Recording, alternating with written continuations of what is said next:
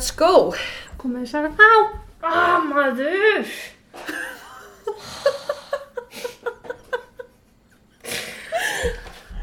Ó, verið velkomin í podcasti, ég gengið 38 vikur að leifu, ég er mjög buguð. Já, uh, góðan daginn ætlum við að segja. Já, góðan daginn, verið velkomin í móðskúrin. Já, ég heiti Þórdís. Ég er Jóhanna. Já, og í dag ætlum við að fara yfir mál sem að hlustandi uh, bent okkur á. En uh, ég ætla að fjalla um mál sem að er þekkt sem color bomber eða pizza bomber. Og þetta er meðal annars hægt að horfa þáttin í Evil Genius um þetta mál. Og rétt árnum við byrjum, uh, fyrir ykkur sem hafa ekki heyrt af þessu máli, það er fremur ógæðislegt og sömur lýsingar eru náttúrulega alls ekki við hæfi barna og sumstaðar ekki við hæfi fullnána einstaklinga nema þeir séu tilbúinir sjálf en ég set á smá svona viðvörun áður en að við byrjum máli. Brian Douglas Wells var fættur 15. nómver ára 1956 í Erie, Pennsylvania.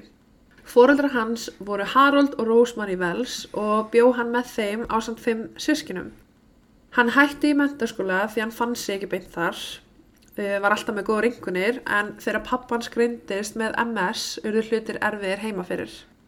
Í skólanum var hann talin vera gáfaður en þó mjög sérstakur krakki og þar með var hann sendur í greiningar og í ljós kom að hann var með vott af sálarkvillum. Ok. Þegar hann var 33 ára gammal lest pappi hans og stuttu eftir það var Brian ákjærður fyrir að hóta nákvæmna sínum með byssu út af einhverju rifrildum sem átt sér stað. Þess að við bröðust illa við döða fyrir síns. Í, já. Hann eitti 30 árum sem pizzasendill og hafði síðustu 10 ár unnið á sama staðnum, Mamma Mia Pizzeria í Eri.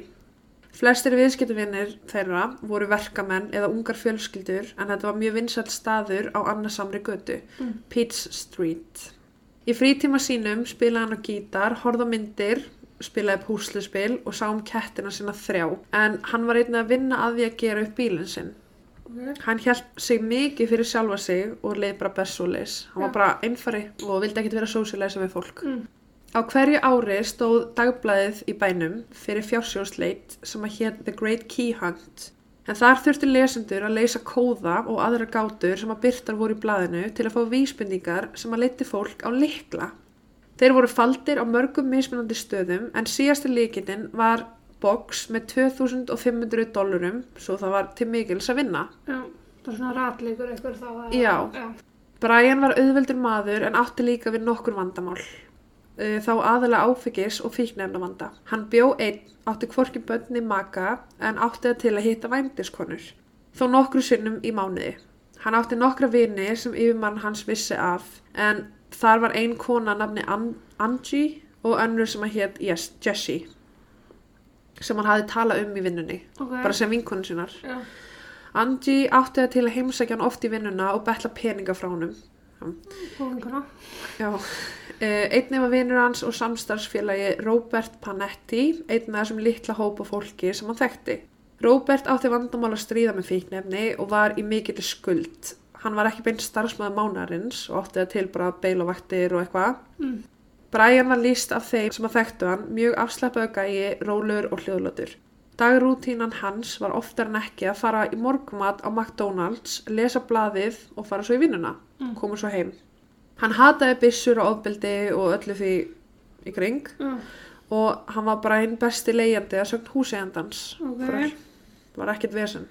Þann 28. ágúst árið 2003 hafði Brian plön eftir vinnu að fara heim til móður sinnar og horfa myndir og borða afgangspítsu úr vinnunni. Já.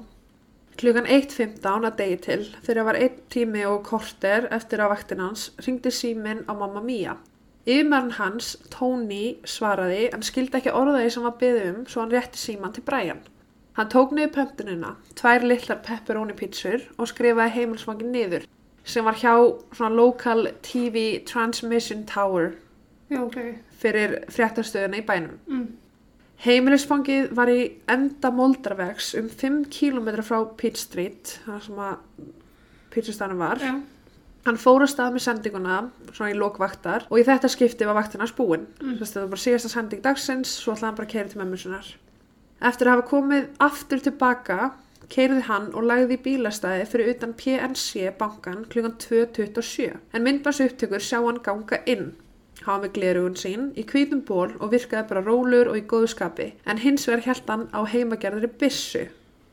Bólurinn hans stóð út og það sem var undir bólnum leit út fyrir að vera fast við hálsun á honum en þó óvíst um hvað væri að ræða.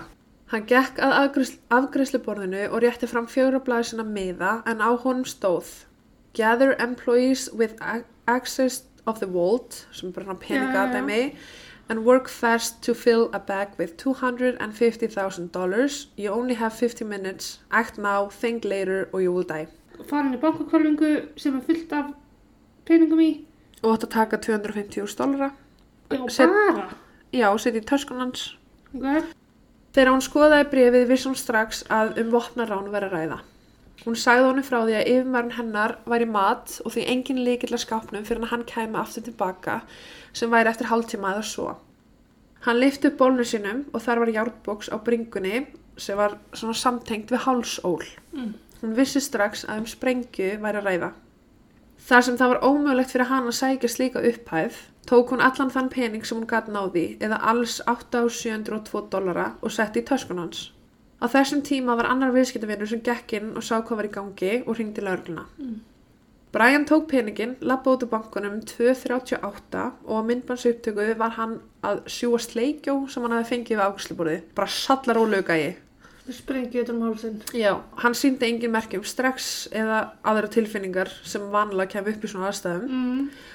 Hann fór í bílinn sinn, tók upp blaðsnepil og las hann vel, sett hann svo niður í farþegarsætið og keirði á stað. Á þessum tíma höfðu þrýr aðilar nú þegar hringt á neyðalínuna og var lögreglan á leiðinni. Klukkan 2.40 var Brian komin í miðbæinn þar sem hann fór fram hjá McDonalds og stoppaði þar. Lappaði út að blómabeði hjá bílalúni og tók upp stein sem var með brefi fast á botninum. Eftir að hafa lesið á það fór hann aftur í bílinn sinn og óka stað. Klukkan 2.49, eða bara nýjum myndum eftir þetta, kom lögreglan á staðinn og umkringdan, bara svo náða stoppan. Já. Þau settu hann í handján og sögðu honum að fara neyra hnýja. Byssunar byndust af Brian og þá fyrst byrjaði Brian að sína eitthvað tilfinningar. Já. Hann sagði að hann væri með sprengjum hálsin og ákveði í kjölfari að því var að ringja í sprengjudeildina á staðnum. Fjórum myndir yfir þrjú var FBI mætt, enda bara náttúrulega sprengja og svona, þú veist, það mæta bara helstu sveitinar. Brian byrjaði að tala við lögregluna sem var nú þegar byrjaði umkringjan og ljóst var að hann var mjög stressaður. Hann sagði að hann hafi verið að fara með sendingu af pítsu hjá TV Tower Mm en á veginum hafði hann verið stoppaður og þrýr menn, dökkir á hörund, komu að honum. Hann reyndi að stinga af en eitt þeirra skauta byssu sem að hrætta hann. Þeir hendu honum niður og tengdu tæki við hálsin á honum, gáðu honum skriflegar upplýsingar um hvað hann ætti að gera og sagði að ef hann kláraði það ekki þá myndi þeir drepa hann. Hann hafði ákveðin tíma til að ljúka þessu verkefni til að fá líkilinn að sprenginni því að það var tímasetning. Eða bara tími, já. Já. Fyrsta verkefni var að reyna bankan og gáði mennundir honum handgerða byssu til að nota ef eitthvað færi gegn honum. Hann sagði að þeir fylgdust vel með til að vera vissur um að hann hafi náða að reyna bankan og þeir bara sáu allt sem var í gangi. Já. Það var ofta tíðin sem lauruglan fekk símtöl vegna sprengju en í flestum tilfellum átti það sér enga stóð. Lauruglumar fór að honum og skar bólunans til að sjá nánar hvað var í gangi, bara til að sjá hvað þetta væri. Frá því sem hann sá var grátt bóks sem að hjekk frá hálsólunans sem var eins og stórt handjárn utan um hálsin. Já. Það var talnalás og liklaskrá og það voru rauðir, grænir og gulir vírar. Þeir sem að komu fyrst á svæðið máttu ekki snerta þetta en það var sprengisveitin á leiðinni þegar við sveitin ekkert um þetta og stóðu því eirðalösur út á götu á meðan sprengisveitin var först í uh, umferð. Já. Bögg. Já, fólk safnaði saman, fréttamila voru mættir og fleiri lauruglumenn. Brian kallaði út upplýsingar um tíman á sprenginni og bað lauruglunum að fara og finna líkilinn af henni. En sagði frá því að þeir getur hringt yfirmann hans sem gæti staðfesta að hann fór með sendingu át á svæði. Einni voru brefin í bílnum sem hann sagði þeim að taka og fylgja til að finna líkilinn en lögreglan tók enga áhættu og vissi bara ekkert hvað í gangi. Þannig að þeir bara stóða þarna eirðalösir, bara býða eftir að sprengjutildin kemi. Brian byrjaði að kvarta yfir því að sprengjan væri þung og var hrættur um að hún myndi fara á stað. Hann vildi standa upp til að ná betri jafnvægi en lögreglan bara harneitaði fyrir það. Lögreglan kallaði á hann að ef þetta væri eitthvað bull þá ætti hann að segja það núna og gefast upp. En Brian er einn lofaði að þetta væri í alvöru að gerast. Hann baði um að fá síkartu og að fá að hýta prest en fekk hvorugt. Hann sæði að þegar gæinn setti þetta utan um hálsun á honum, tók hann upp líkil og gerði eitthvað þannig að hann heyrði að tíminn byrjaði að tikka og sæði aftur, ég er ekki að ljúa, ringi yfir manni minn, þetta mun fara á stað og springa. Hann reyndi að reyfa sig til að ná betra jafnvægi en það var þetta ekki létt apparat sem var um hálsun á honum og hann var bara orðin mjög ör þar sem hann vissi ekki alveg hvað var í vændum. Mhm. Klukka var orðin þrjú átján, fólk var að byrja að safnast hann í kring, mikið lögreglufólki, la la la, en engin sprengsveit. Hvað eru þeir ekki með neyðaljós eða bara eða fastir í sírenur umferð, ég, þú veit ekki hvað þeir að koma, þú veist, það eru ekki sprengisveit akkurat þarna, eða- Þetta er svo lélegast afsökun sem ég heilt. Sorry, fastur umferð. já. Skyndilega sprakk sprengjan. Oh! Og hann með. Brian kastaðist til og gerði sprengjan gat á bringuna hans sem að fóri gegnum hjartað.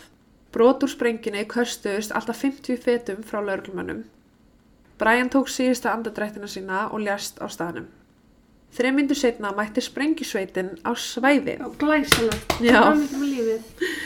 Fyrir allra hamingju var eitthvað vesen með útsendingu og því var þetta ekki sínt í sjónvarpinu fyrir allra augum. Já, gott. Já, En sprengin hefur ekki verið kröftur en það að nei, þetta var sérst bara fyrir hann að sprenga, ekki fyrir aðra. Ok, Lögreglan og FBI fóru saman á Moldavegin sem að Brian hafði talað um.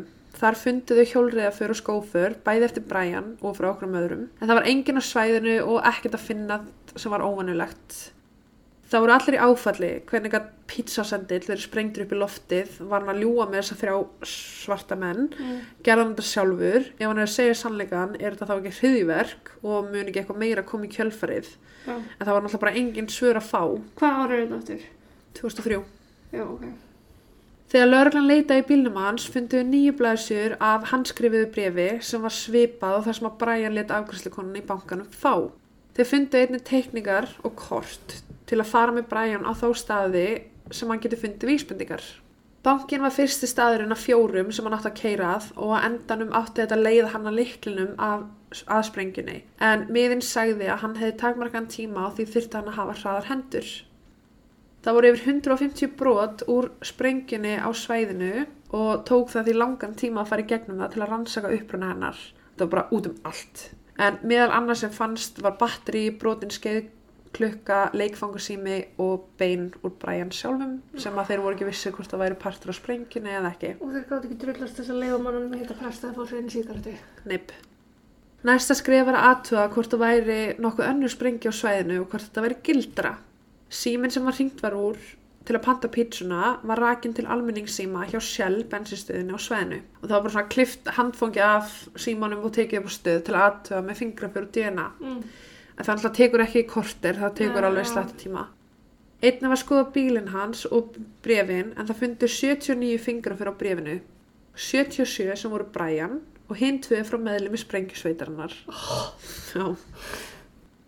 Snemma þennan dag hafði Jean, systir hans, komið heim úr bænum því hún hafði ætlað sér að stúsast en lauruglan var búin að loka veginum. Hún spáði lítið í því en um kvöldi sitja krakkarnir hennar við sófan og sjónvarpið er í gangi þegar fréttir koma um mann.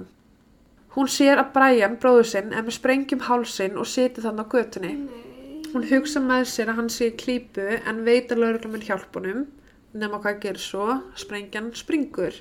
Hún trúður sig ekki, enginn sagði henni frá þessu eða heyrði fjölskyldinni til að láta vita að bróðurinn að vera látin. Þetta er að gerast einhvern klukkutíma síðar. Já, þetta er að gerast bara um kvöldi. Fjölskyldin hans var handviss um að hann væri fórnalamb og þetta væri bara algjörlega úr karakter fyrir hann. Honum vantaði ekki peninga, hann vildi lítið vera meðal fólks eða fá aðtegli frá nokkrum manni og vildi bara vera sjálfur með, þú veist. Klára vaktirinn sinna og heimsóti mömmu sinnar. Já, Maður á svæðinu fór í viðtal, maður sem var vitnað þessu, Já. fór í viðtal í fréttarstöðu og sagði frá því að hann hefði verið að haga sér eins og honum væri skýt sama um þetta og hann hefði gert þetta sjálfur. En það var í anstæði við það sem að fréttina náða upptöku, en þar var Brian í uppnámi að gráðbyða fólk um að hjálpa sér. Já. Ég vil ekki sjá þetta myndband. Ekki horfa Evil Genius. Daginn eftir, þann 29. ágúst, var leitgerð heimi á Brian. Það voru engin sönnugögn um sprengju eða eitthvað púður eða annað og var húsið hans bara mjög hreint og fínt. Þannig að sama dag sendi fréttastöðin á svæðinu mann að staðnum þar sem að hann hefði sagt að sprengjan hafi verið sett á hann. Búði var að loka svæðinu en þar bjó einn maður í húsi við hliðin á veginum. Hann vildi tala við fréttastöðina og sagðist heita Bill Rothstein. Hann var ógiftur og hafði búið þarna alla æfi. Hann vann sem handverksmaður og skólakennari en var bara svona ramagsnördi. Mm. Hann síndi fólki garðið sinn og talaði einnig með FBI, FBI sem að bankaði hjá honum. Hann sagðist ekkert vita um sprengjuna eða að fólk hafi verið þarna á svæðinu daginn áður. Því var sett upp símanúmer fyrir fólk til að ringi nafnlausar ábyrningar til að aðstóða við rannsóknina. Sprengjan var öðruvísi en aðra sprengjur.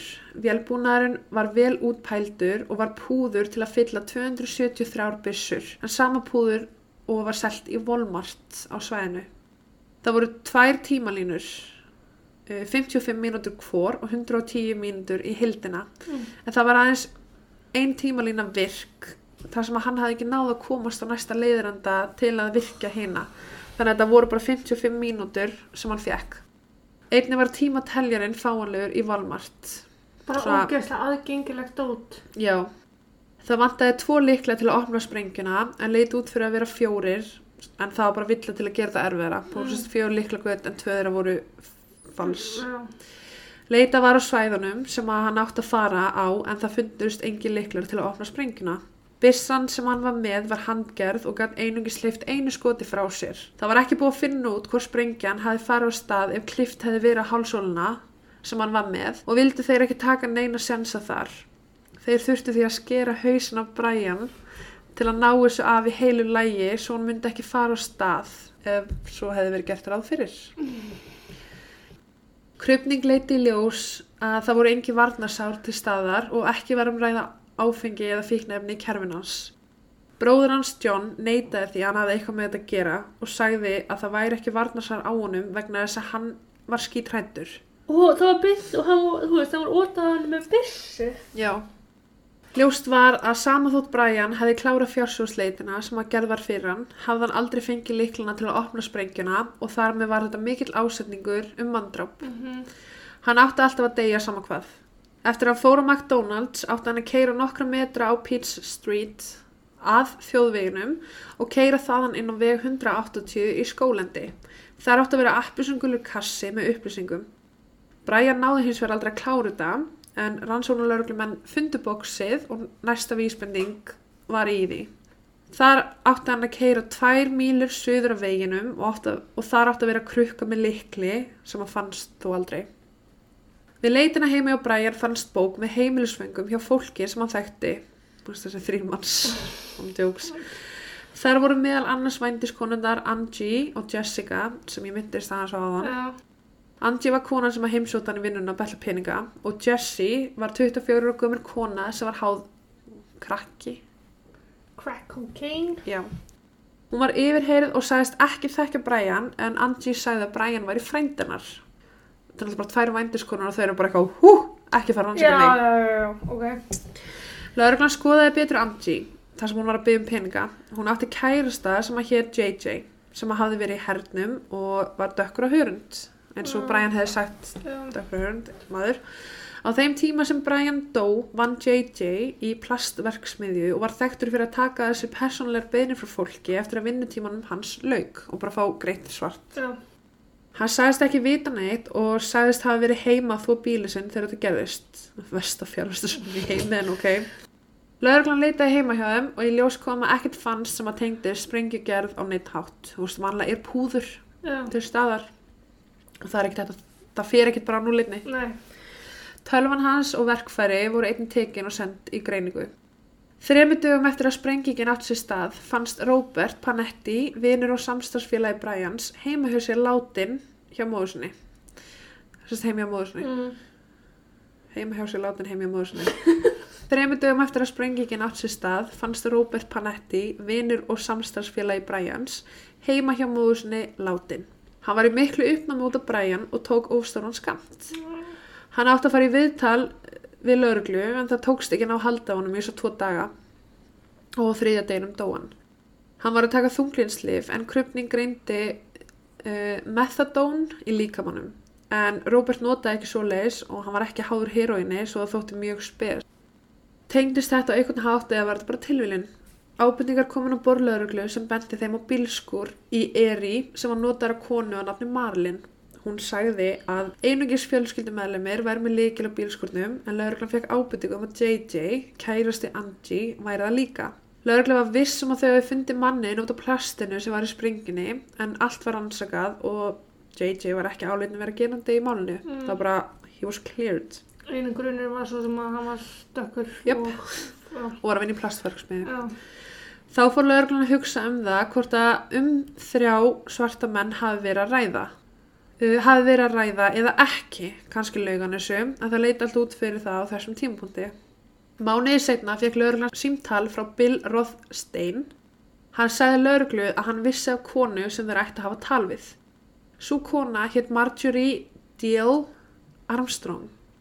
Hann sagði að hann hafi ekki drepið neitt en það væri líki fristinum sínum út af henni. Hann sagði heimilsfangi sitt og í ljós kom að þetta var húsi sem að stóð á lóðinni þar sem að Brian sagði að ráðust hafi verið á hann. Mm. Sérst maðurinn sem kom fram í sjónvarpinu Já, og var í viðtali já. sem að sagðist ekki að tekið eftir neinu. Mm Hann ringir hann allt í henni og segir frá því að hann er með líki fristinum og það sé út af fyrir hundi kæristinu Já, sinni. ok. 54 ára gömul Marjorie Deal var fætt og uppalinn í Eri af metnaðafullum og farsalum fóruldrum.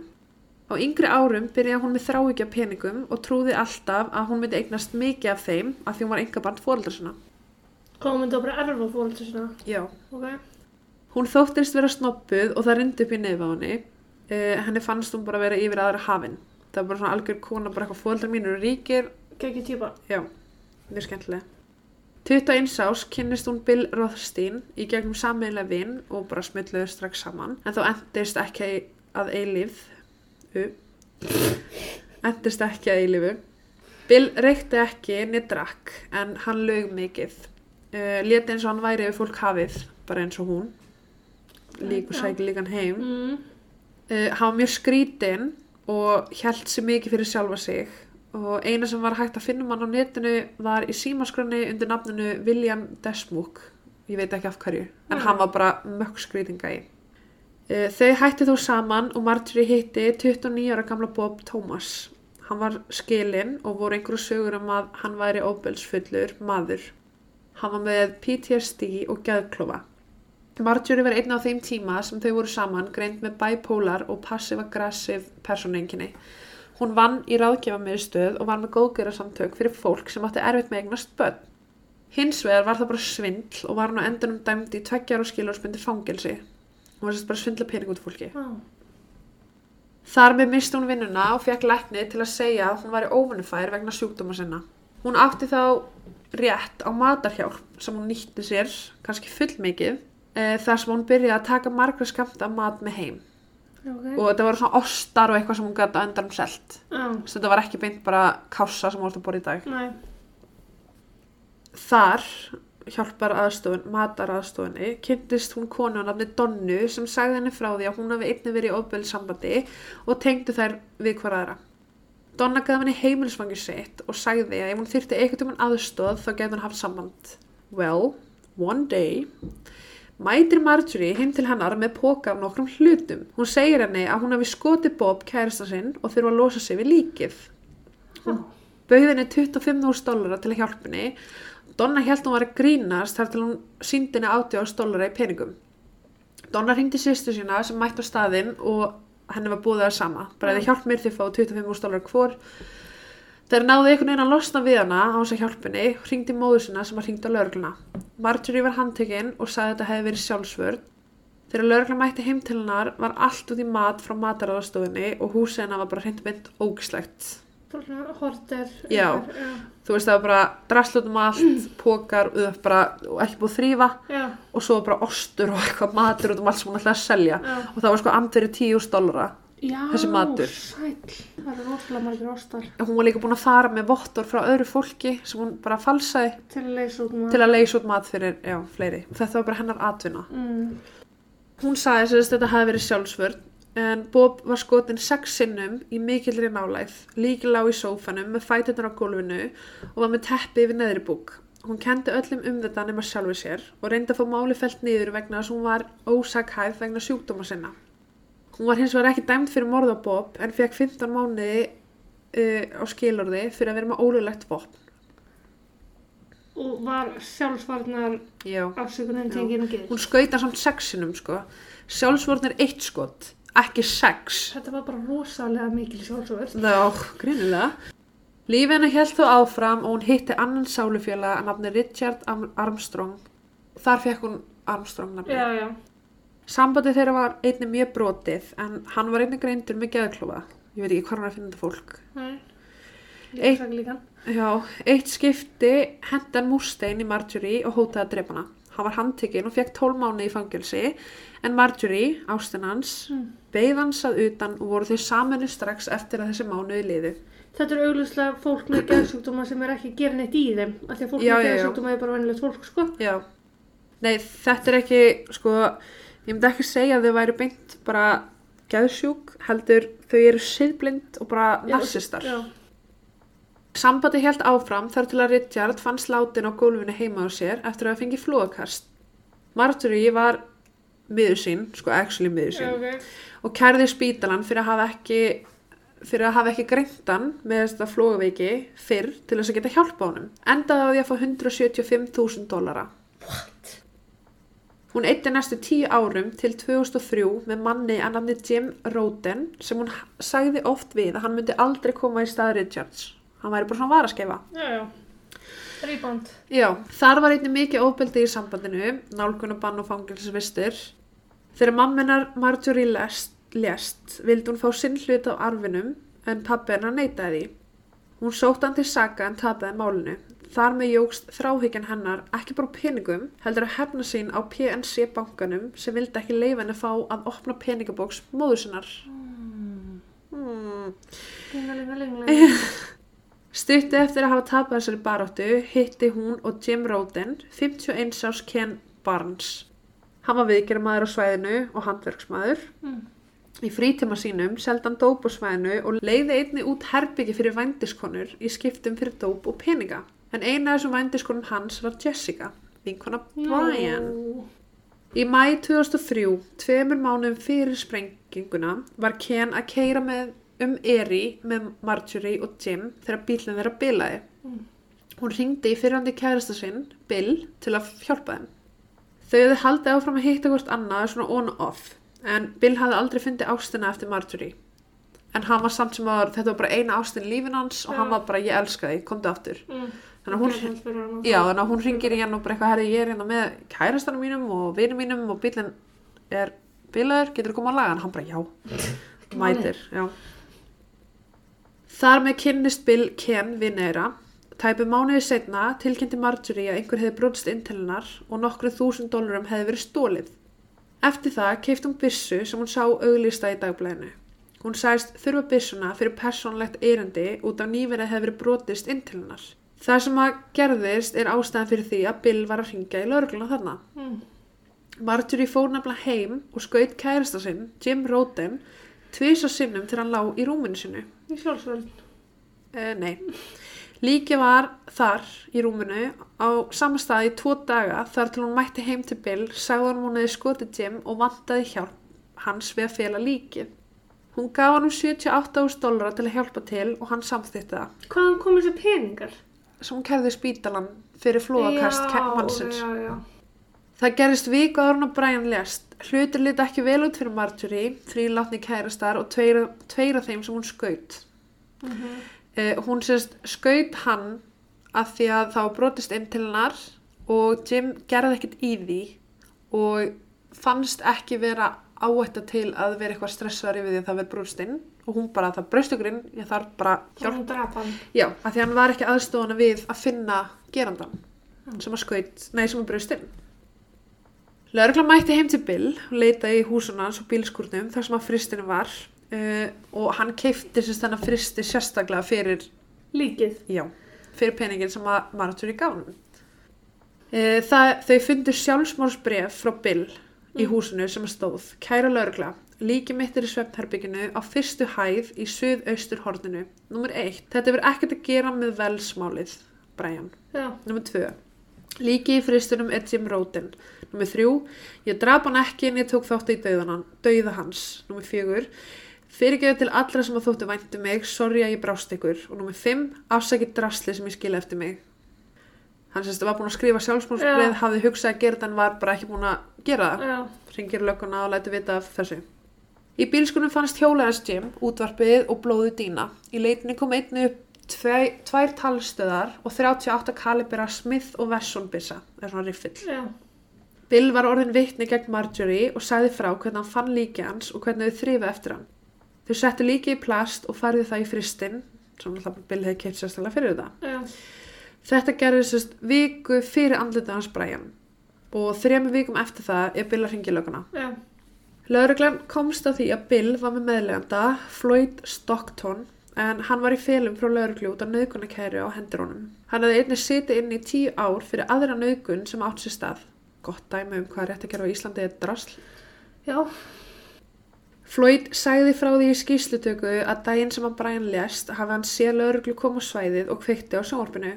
Þar fekk hann fréttirnar af því sem hefði gerst með Brian. Lörglumannum þótti að þú skrítið, það er ekki oft sem að fólk kveikir og fréttum að því að lörglubíl keirir fram í húsinu. Þú sér ekki lörglubíl rúnta um á hérna og ert bara, nei, það er mjög óvinnulegt. Já. Hann var dæmdur í tveggja ára fangilsi fyrir nauðgunarkæruna sem hann var að fela sig frá. Hann var alltaf bara í fundin hana Mhm. og það var samt sem að það var ekkert hægt að tengja hann við morðið á Jim eða Brian Já. eða allt sem það var í gangi. Lörglunni fannst það þó ekki vera tilviljun. Bill var tekinni yfir heyslu og áður en að það byrjaði sagðan ég vil bara þið vitið að ég gáðast að maðurinn á svæðinu. Puntur. Og svo sagði hann ég þurfti bara að koma sér frá mér. Byrjum viðtalið. Hann svaraði öllum spurningum með tilgátum og neitaði að hafa átt eitthvað með Brian eða Robert að gera. Og það var alltaf bara svona hypothetically. Ah. Ef að ég geri, já, þú veist, endalust. Til þess að bendla ekki á þessu sögðu. Já. Hann sagði að hann og Marjorie voru saman að smakka vín daginn sem þetta gerðist. Eftir það skuttlaði hann henni í Volmort um 7.30 og notaði síman fyrir utan Shell. Mm. Það þótti mjög einkennlegt að hann sé sérstaklega að segja frá því að hann hafi notað þennan síma. Það var ekkert vitað að þetta er síminn sem hann var notaður. Hann að lörglu var bara eitthvað, ok, akkur sagði hann ekki frá því hvað þú fórst á klósettið fyrir hann að segja mér að notaði síman. Mm -hmm. Eftir viðtalið var hann kærður fyrir misnótkun á líki, náttúrulega bara fyrir að hafa fært líki til og hafi Mhm, gegn sig. Hann lést þó síðar í fangilsun út af krabbamenni þreymum dögum eftir að hafa breytt sögunu sinni og sagði að hann myndi ekki hvað hann var að gera daginn sem Brian lest. En hann sagði samt sem áður að hann hefði ekki verið viðra á þessu. Þú veist það er oft sem að fólk á dánabiðin sínu er bara hvað ég verð að segja hvað gerðist. já, En hann já. sagði, ég man ekki hvað ég var að gera en ég var ekki viðra hann Ok. og svo dó hann úr krabminni. Og 7. janúar 2005 gerði hún samning og var dæmd í 7 til 20 ári fangilsi fyrir morðið á Jim Roden. Lóks sé verið að kærna fyrir morðið á einhverju kærastanum. Á meðan þessu stóð var lauruglan og FBI rannsaka andlati af Brian Wells. Fingraför og DNA voru tekin af símanum sem var hringt úr en þá síndi ekkert nótæft. Einnig var hvorki hjólriða fyrir neða skófurinn sem að fundist moldinni nótæf. Mm. Það var bara ekkert. Það var ekki góð byrjun. Í februar 2005, sérst, tveimur árum eftir þetta, fór FBI í fréttamila með lýsingu á gerandanum, svona profæl. Já. Aðilinn var leyndadómsfullur og blekkjandi sem hafði langan tíma til að plana þetta. Hann var mjög, ég segi hann, en þá er ég að meina hann var mjög líklega á staðnum þegar þetta átti þessi stað til að fylgjast með. Vann í treverksmiðu, stálverksmiðu, plast eða svona öðru sem að tengdist innar tækjum. Mhm. Af því að sprengja var náttúrulega bara eitthvað annar level. Og var með sögu um að gera við tæki og tól, sérstaklega svona sem krefst mikillar þekkingar eða gáfu. Ok. Hann held sér náinn rannsókninni, sagði ekki mi mikið við vinnu vandamenn og taldi sér vera gáfaðri en allir aðrir. Fyrst þetta að minna okkur. Hann er dáinn. Krabbamins. Mm. FBI sagði að Brian hafi, að þetta hafi ekki verið random hjá honum. Veist, hann var viðræðin Já. og brefin sem voru notuð voru gerðar í því skyni að aðalinn er reyður út í PNC bankan og hafi mögulega fengið sinjun af einhverju leiti frá honum. Já, ok, þú veist, eru að tala um Marjorie þá eða?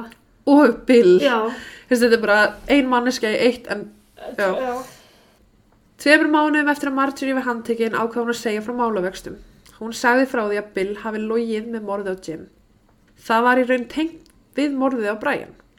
Jim var viðráðan upprannlegu planu þeirra og var skotinn því hann sagðist alveg kjafta í lauruglu. Bill Rothstein var mastermindið baka hugmyndina.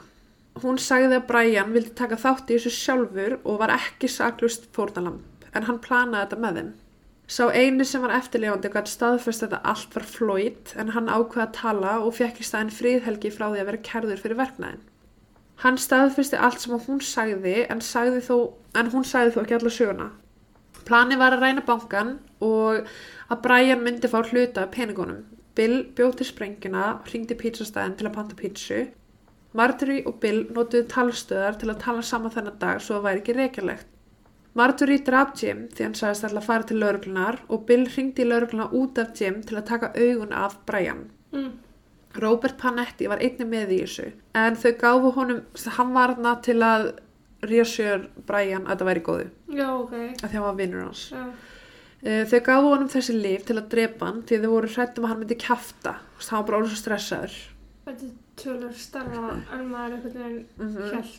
Þetta var allt að koma saman. Eina sem vantaði var tenging á milli Marjorie og Bill við Brian. Já. En það kom í gegnum Ken.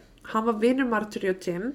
Hann var með vendishúsi þar sem að Brian kom stundum til að hitta Jessica. Mm Snemma árs 2003 kom Marjorie til Ken og bauð honum pening til að drepa pappa sinn svo hún geti fengið peningin sem hún átti skilið eftir andlut móðusinnar. Já. Hann neitaði því og sagði djóki ef ég fæ 250.000 dólarar skal ég gera það. 250.000 dólarar var sama upphæð og var skrifað miðan sem að Brian fór með í bankan. Mm Marjorie var því að reyna að sapna peningum til að drepa pappa sinn en einnig að ráðast á PNC bankan að því hún var reyðið þau fyrir að hafa sinjað. Beinunum að opna öryggisbóksi. Já. Ken sagði að Brian hafi verið með í þessu öllu saman og í staðin fengi hann peninga til að borga dópskuld sem að hann var með. Sem að sískina hans voru bara bull. Já. Þau hittust kvöldi áður til að plana þetta og Marjorie mældi hálsmáli á Brian til að myndi passa utanum hann. Þetta átti allir tíman að vera gerfisprengja. Brian held það. Ó, ok. Þetta átti að vera fake. Þannig að hann var í raun við hann málið. Já. Já, ok. Hann átti að segja við lauruglu að ef hann er stoppaður að þrýr svartir menn höfðu rænt honum og setti þetta á hann ásamt í að láta hann fá vísbendingu. Mm. Floyd sagði þeim að þau hefðu planað þetta í 36 mánuði árunda gekk á. Hann hafði verið að horfa þátt þar sem að kona var þvinguð til að reyna að banka meðan hún var með sprengja á sér. Hann stakk upp á því að panta pítsu og nota sendilinn til að gera þetta. Hins vegar, daginn sem allt gerðist mætti Brian á svæðið eins og þau hefðu planað. Hann vildi hætta við en Bill lefði honum það ekki. Hann reyndi að flýja og Bill skaut úr byssu eins og Brian sagði að það hefði gerst. Já. Þau þvinguðu sprengjuna á hann sem var mun þingri en þessi sem hann hefði prófað kvöldi áður. Honum var því nokkuð vegi ljóst að þetta væri alveg sprengja en samt ekki. Mm Í mars 2017 fannst Marjorie í klefanu sínu meðvitundarlaus og lést tveim vengur síðar. Árið 2018 sagði Jessica frá því að hún hafi verið með í planinu. Sérst vændiskonan sem að þekkti Ken og Já, hún Brian. hefði sloppið þar til. Já, það var ekkert um hana, nefnum bara að þar var tengingin Já, Ken, Jessica, Brian.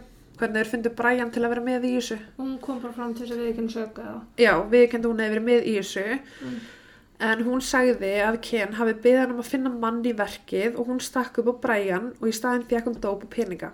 Hún sá eftir þessu og sagði frá því að Brian hafði ekki hugmynd um þetta. Mm. Hún bara vissi að Brian var að vinna þarna, vissi hann væri einmanna og sagði við þau bara, þú veist, pantiði pítsu og hann, Hann Kemur. Já, sýstir hann sagði einnig bara að hann hafi ekki átt þátt í þessu, hann skuldaði ekkert í dópi og var frekar rólegu maður sem vildi bara vera út af við sig. já. og það kom aldrei í ljós eftir þetta hvort hann actually skuldaði dóp það er enginn fara að vera eitthvað hann skuldaði eitthvað Nei. peninga en það er talið mjög ólíklegt en svo var líka eitt skipti sem að Floyd sagði að sérst, Marjorie hafi tekið hann upp í bíl þau hefði farið á þjóðvegin og hún er sérst hlupið með svona hvítan ból og náð í eitthvað í bara svona á hliða veginum. Þannig að það getur vel verið að hún hefði verið að sækja síðasta leikilinn eða vísbendingu eða eitthvað svo lauruglan myndi ekki fatta loka stað. Þannig að það getur vel verið að það hafa átt að vera leikil en samt sem að það er talið mjög ólíklegt. Og í raun er þetta bara, var hann með í planinu, var hann ekki með í planinu og það er bara eitthvað sem enginn með vita nema alltaf Jessica kemur hann að setna fram fyrir þrjum að og segir. Af því að Brian tekur ekki eins og uppröðulega pöntun frá þeim.